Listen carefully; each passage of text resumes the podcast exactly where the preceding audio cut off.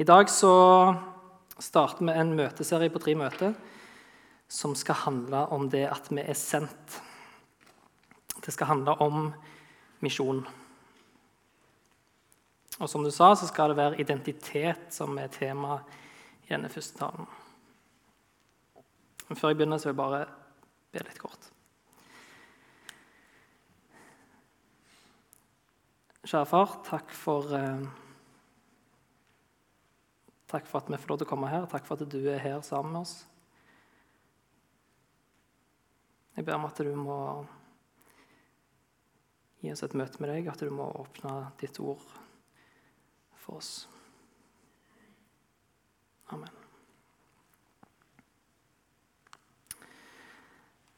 Vi starter med å slå opp i apostelgjerningene 16, vers 6-10.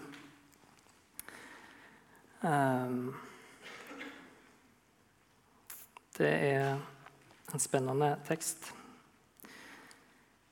Der står det Den hellige ånd hindra de i å forkynne ordet i Asia.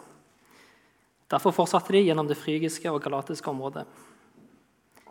Da de var kommet nesten til Mysia, prøvde de å dra videre til Betynia, men Jesu ånd ga de ikke lov. De dro da gjennom Mysia og kom ned til Troas. Om natta hadde Paulus et syn. Han så en makedoner som sto og kalte på han og ba kom over til Makedonia og hjelp oss. Da han hadde hatt dette synet, forsøkte vi straks å komme til Makedonia. For vi skjønte at Gud hadde kalt oss til å forkynne evangeliet der. Jeg vet ikke om dere fant eh, plassene på skjermen. Men jeg har alltid hatt lyst til å bruke sånn laser. Jeg tenkte jeg skulle prøve det. De reiser iallfall opp gjennom her. Så har du Frigia. Så hadde de lyst til å snu og vende oppover her. Hadde de fortsatt den veien, så hadde de gått mot Asia. Men de skulle heller videre over her til Makedonia, og da òg inn i Europa. Paulus kunne ha reist østover, peis på i Asia. Kanskje det var Asia som hadde fått hørt evangeliet først. Thomas reiste riktignok til Asia, han, og forkynte evangeliet der, men Paulus skulle til Europa.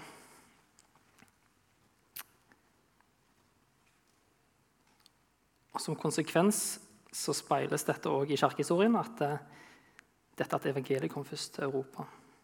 Og Det innebærer et ansvar på å dele evangeliet videre. Et ansvar som først ble lagt på Den ble lagt på alle kristne, da, men de fleste kristne var da i Vesten. En som kjente på dette ansvaret, var han her karen her, som heter Sivert Gjerde. På slutten av 1880-åra kjente han seg drevet til å reise ut som misjonær. Da hadde det vært norsk misjon i Madagaskar og Zulu i mange år. Men veien var rimelig stengt inn der. Men dørene var åpne inn til Kina.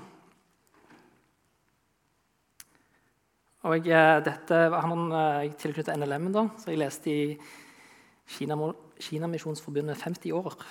Spennende bok. Ca. så tjukk. Men der eh, skriver de det at han var ikke noen voldsomme taler. Og de skriver faktisk, jeg synes det var litt småfrekt, da, men de sier det at han var ikke noen betydelig mann heller. Men han hadde et hjerte for misjon. For at andre skulle få høre evangeliet. Han lei når han visste det at andre mennesker ikke hadde fått bli kjent med Jesus. Millioner av mennesker.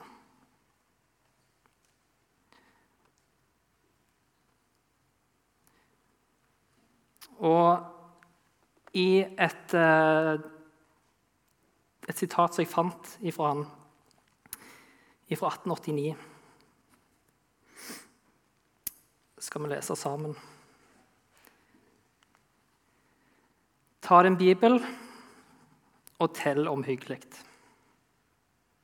Ikke kapitlene eller versene, men bokstavene fra begynnelsen av første Mosebok til amen i åpenbaringen. Når du har fullendt dette arbeidet, så gå over det igjen og igjen og igjen. 10-20-30 ganger. Nei, du må lese hver bokstav i din bibel 80 ganger før du har nådd den fornødne sum. Bokstavene i omkring 80 bibler vil behøves for å representere alle de menn, kvinner og barn som lever i det gamle og uhyre keiserdømmet Kina. 1400 har sunket ned i hedenske graver nå den siste time. 33 000 vil dø i dag før du når Kina. Send eders misjonærer i morgen, og en og en fjerdedels million udødelige sjeler, for hvem Kristus døde, vil ha gått til deres bestemte plass før de kan nå deres kyst. Om en sådan kjensgjerning berører oss eller ikke, så tror jeg at den bør bevege vår hjerte. Det er nok til å bringe en engel til å gråte.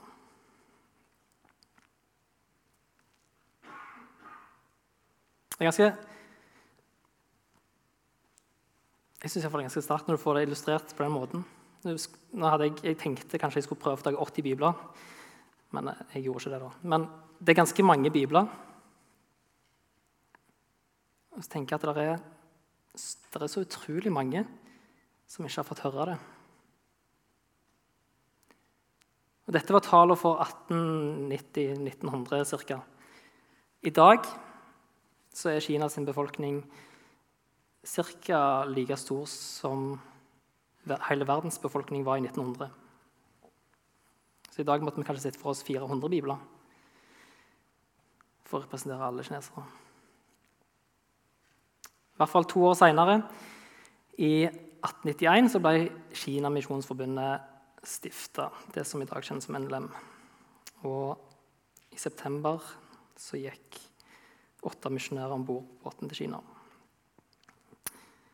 I 1900, når de reiste ut, så så det ca. sånn ut med fordelinga av de kristne i verden. Det er ikke sånn at 68% av hele Europa er kristne, men av kristne i hele verden så bodde 68% i Europa. Hvis vi tar med Nord-Amerika òg, så er det 82 I dag så er det skifta litt eh, annerledes. Det ligger rimelig likt mellom Europa, Afrika og Sør-Amerika.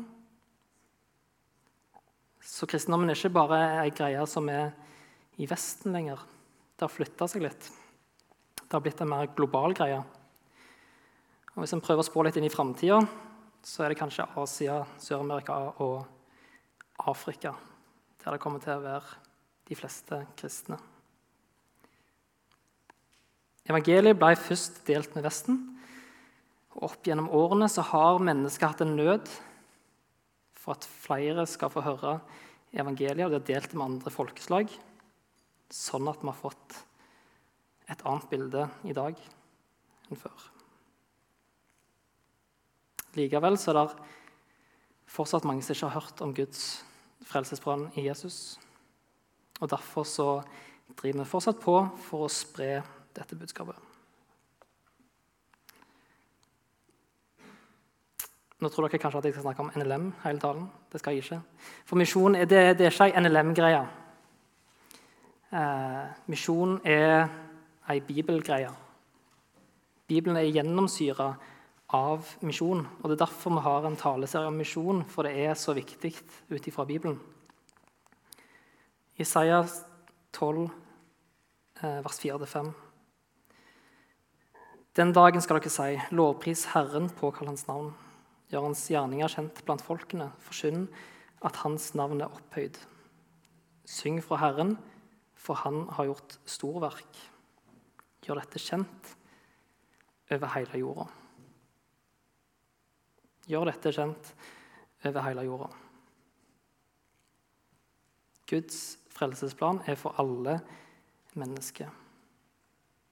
Eller for å si det på en annen måte alle mennesker trenger desperat Jesus. Problemet er jo da at det er så mange som ikke vet dette. Og det er en smertelig realitet. Romerne kapittel 3, vers 22-24 sier her er det ingen forskjell, for alle har synda og mangler Guds herlighet. Men ufortjent og av Hans nåde blir de kjent rettferdige, frikjøpt i Kristus Jesus. Nettopp derfor har Gud gitt oss oppdraget med å proklamere Hans store verk og gjøre det kjent over hele jorda. Nettopp derfor ga Jesus oss misjonsbefalingen. Kallet til å spre budskapet er ikke en, det er ikke en frivillig aktivitet for de som føler for det. Jesus ga denne befalingen til sine elleve disipler, som mottok det på vegne av alle Jesu etterfølgere til alle tider. Og ingen har rett til å snike seg unna dette arbeidet for at folkeslagene skal bli Jesu disipler. Misjonsbefalingen som finner han i Matteus 28. Da trådte Jesus fram og talte til dem. Jeg har fått all makt i himmelen og på jorda. Gå derfor og gjør alle folkeslag til disipler. Døp de til Faderens og Sønnens og Den hellige ånds navn, og lær de å holde alt det jeg har befalt dere. Og jeg er med dere alle dager inn til verdens ende. Dette gjelder meg, og dette gjelder deg. Det Jesus ber, oss om, her, det er egentlig komplett umulig for oss å få til. Men greia er jo da at mulighetene ligger ikke i våre ressurser. Han sier jo her 'meg er gitt all makt'. Mulighetene er der fordi han som sender, har all makt. Og dette er et generelt kall til misjon. Og så får det kanskje et mer praktisk, mer spissa kall inn i hver av våre sine liv. Og blir gjort mer konkret på ulike måter. Men essensen i det hele er dette her som jeg fant et sitat fra en som heter Egil Grandhagen. Dette er essensen. Misjonens herre vil utføre noe nettopp gjennom oss.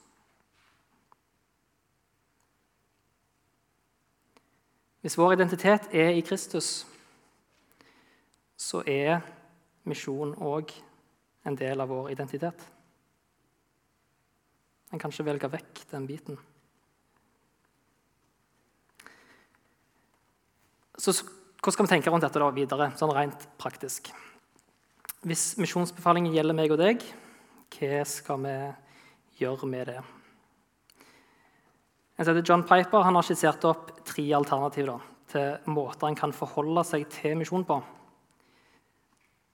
Du kan gå, du kan sende, eller du kan velge å ikke adlyde. Tre alternativ. De som går, det er de som går til et folkeslag som ennå ikke har fått høre evangeliet, f.eks. Og Det er ikke meningen at alle skal være i den kategorien. Det er ikke meningen at alle skal reise til Afrika eller til Sør-Amerika eller til Sverige.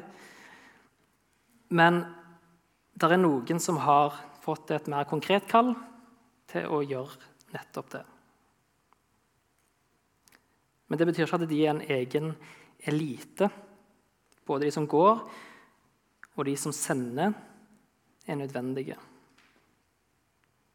Og I 3. Johannes brev så ser vi at disse er medarbeidere for sannheten. De som går, og de som sender. Vi står sammen om dette. Og de som sender, er de som støtter de som går. Heier på de, er med i bønn, støtter økonomisk. Eh, så om du går eller om du sender, er på en måte ikke hovedgreia her. Hovedpoenget er om du har et hjerte for de som ennå ikke har hørt, og om du tar en rolle i at evangeliet skal bli spredt. Så har du tredje kategorien, de som ikke adlyder Jesu befaling. Disse gir det ikke en tanke engang. De bryr seg ikke egentlig. Og Hvis en er i den kategorien, så handler ikke det bare om å ikke adlyde kallet. Men en fornekter på en måte den en er i Jesus. Det må du ikke misforstå. Jeg sier ikke at en fornekter Jesus, men en fornekter den en er i Kristus. Men det som er så flott, uansett, er at vi ikke er låst til hver en kategori. En kan flytte fram og tilbake, og en kan være flere ting samtidig. Men vi kan òg dele det opp i tre ulike måter å gå på. Nå nevnte jeg dette med å reise til Sverige, og sånn, men det er andre alternativ òg. Tre måter evangelisering. En kan si Det ene handler om det som er til våre naboer, kollegaer, venner, medstudenter. Det er første kategorien. Der er det ikke så veldig mye sånn En, jeg, må ikke gå på veldig mye tvers av kultur. Jeg kjenner sånn cirka litt kulturen som er. Men noe er det sikkert likevel eh, til deres kollegaer og medstudenter. Det er en liten sånn barriere kulturelt. Men mindre enn de andre kategoriene. da. I den andre er to. Så er det litt større barriere. Det kan f.eks. være Nå eh, har vi ikke så på en måte, kanskje ikke så mange ulike folkeslag innad i Norge, sånn som vi finner i større grad i andre land. Men det kan f.eks. være å gå krysse en litt større kulturell barriere. Men språket kan fortsatt være det samme. Så det er lett å kommunisere selv om det er kanskje visse ting som er kulturelt annerledes. Tredje kategorien er den som er tverrkulturell. Sånn som Sivert Gjerde. En nordmann som reiste til Kina. Kjenner ikke språk. En totalt annen kultur. Um, ja. Det som faktisk er litt fascinerende i dag, er at uh, en stor del av verdens, folk, verdens folkegruppe kan nås gjennom denne første kategorien. Utrolig mange folkegrupper har en menighet eller kristne som er i nærheten av dem. I teorien iallfall så kan, kan det skje gjennom den første kategorien. Timoteus kan være et eksempel på denne her nummer to. Timoteus forlot Lystra, heimbyen sin, eh, og begynte å jobbe i ei kirke i Efesus. Eh, der var det egne eldste. De hadde eget evangeliseringsarbeid. Eh, men han var kalt til å jobbe der kirka allerede egentlig var veletablert.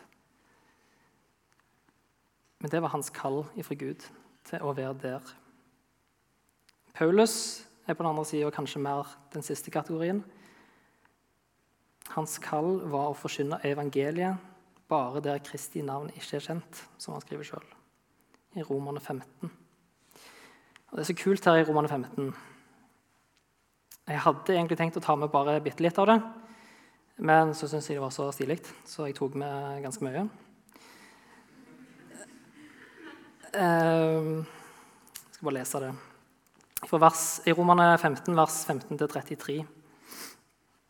Jeg gjør det ved den nåde Gud har gitt meg, til å være Kristi Jesu tjenere blant folkeslagene. Min pressetjeneste er å forkynne evangeliet, så folkeslagene blir et offer Gud gjerne tar imot, innvia ved Den hellige ånd. I Kristus Jesus kan jeg være stolt over å ha denne tjenesten for Gud. Og jeg våger bare å tale om det Kristus har gjort gjennom meg for å lede folkeslagene til lydighet. Dette har jeg fått gjøre i ord og gjerning, ved mektige tegn og under over Åndens kraft, sånn at jeg nå har fullført forkynnelsen av Kristi evangelium vidt omkring, fra Jerusalem og helt til Illyria. Jeg har alltid satt min ære i å forkynne evangeliet bare der Kristi navn ikke er kjent, for at jeg ikke skal bygge på en grunnvoll som andre har lagt. For som det står skrevet De som ikke har fått budskap om Han, skal se, og de som ikke har hørt, skal forstå. Det er dette som gang på gang har hindret meg i å komme til dere. Men nå har jeg gjort det jeg skulle i landet her. Og jeg har i flere år ønska å komme til dere, og så dra videre til Spania. Jeg håper at jeg får se dere på gjennomreisen, og at dere vil utruste meg for reiser der, når jeg først har fått glede, glede meg over å være sammen med dere en stund. Men nå drar jeg til Jerusalem med hjelpa til de hellige der. For menighetene i Makedonia og Akaya har bestemt at de vil samle inn en gave til de fattige blant de hellige i Jerusalem. De har sjøl bestemt dette, og står jo òg i gjeld til dem. De skylder å hjelpe dem med materielle gaver når de sjøl, som hedninger, har fått del i deres åndelige gaver. Når jeg har avslutta dette, og fruktene av innsamlingen er vel forvart hos de, reiser jeg til Spania og legger veien om dere. Og jeg vet at når jeg kommer til dere, vil jeg komme med en rikdom av Kristi velsignelse. Jeg ber dere, søsken, ved vår Herre Jesus Kristus og ved den kjærlighet som Ånden gir, kjemp sammen med meg ved å be til Gud for meg. Be om at jeg må bli berga for de vantro i Judea, og om at de hellige i Jerusalem må ta godt imot hjelpa jeg bringer. Da kan jeg, om Gud vil, komme til dere med glede og få hvile ut sammen med dere. Fredens Gud være med dere alle. Amen. Det som jeg syns kommer så tydelig fram i denne teksten, her, er at uh, Mange ting, nå. Men alle har ei rolle i utbredelsen av evangeliet. Menigheten som han skriver til, det er så tydelig at de er sendere. De har en identitet som sendt. De støtter Paulus, de utruster han, de ber for ham. Og det er òg folk som støtter økonomisk. Det samme ser vi i Filipperne 4, 13-14. En stopper ofte med vers 13. Men der står det 'Alt makter jeg i Han som gjør meg sterk'. Likevel gjorde meg godt at dere sto sammen med meg når jeg var i nød.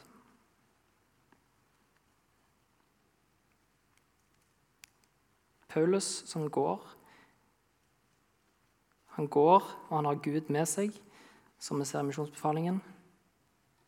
Men han har allikevel noen som backer han, som sender han, som utruster, som ber for han. Han har noen i ryggen. Så vi har alle ei rolle. Eller to. Så spørsmålet er egentlig hva er de roller? Er det en som går?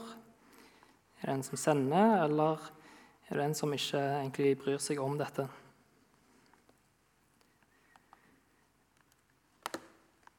NLM Ung sin visjon er knytta til disse fire punktene. Inn i fellesskapet, inn i trua, ute i Norge og ute i verden. Og dette er en visjon som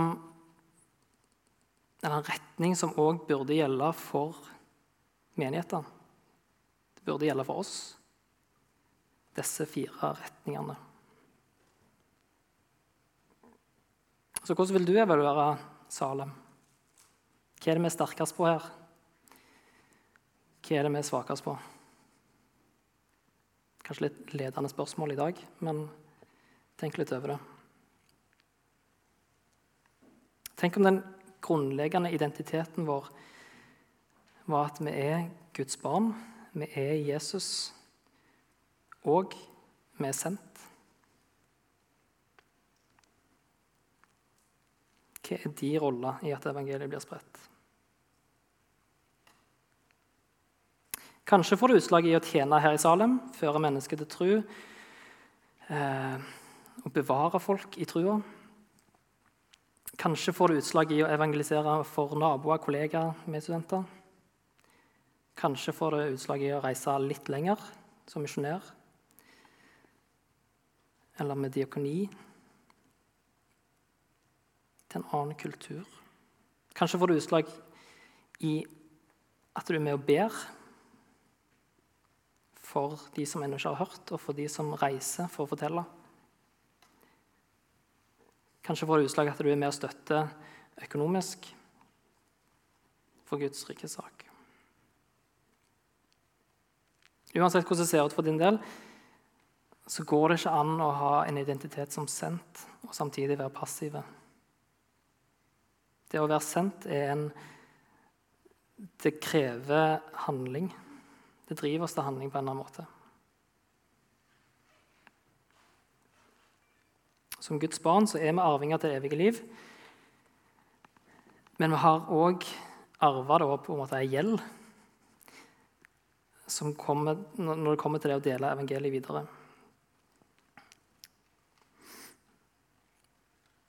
Og Vi samles her i dag fordi vi har fått høre om Guds frelsesplan.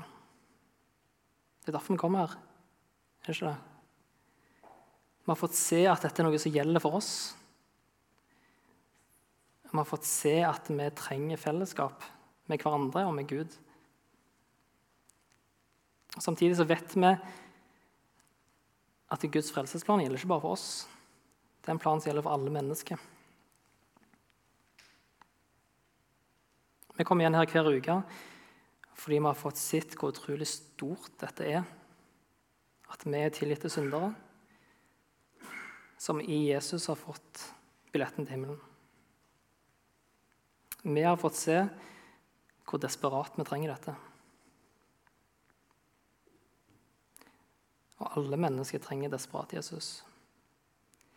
Men det er ikke alle som har fått vite det.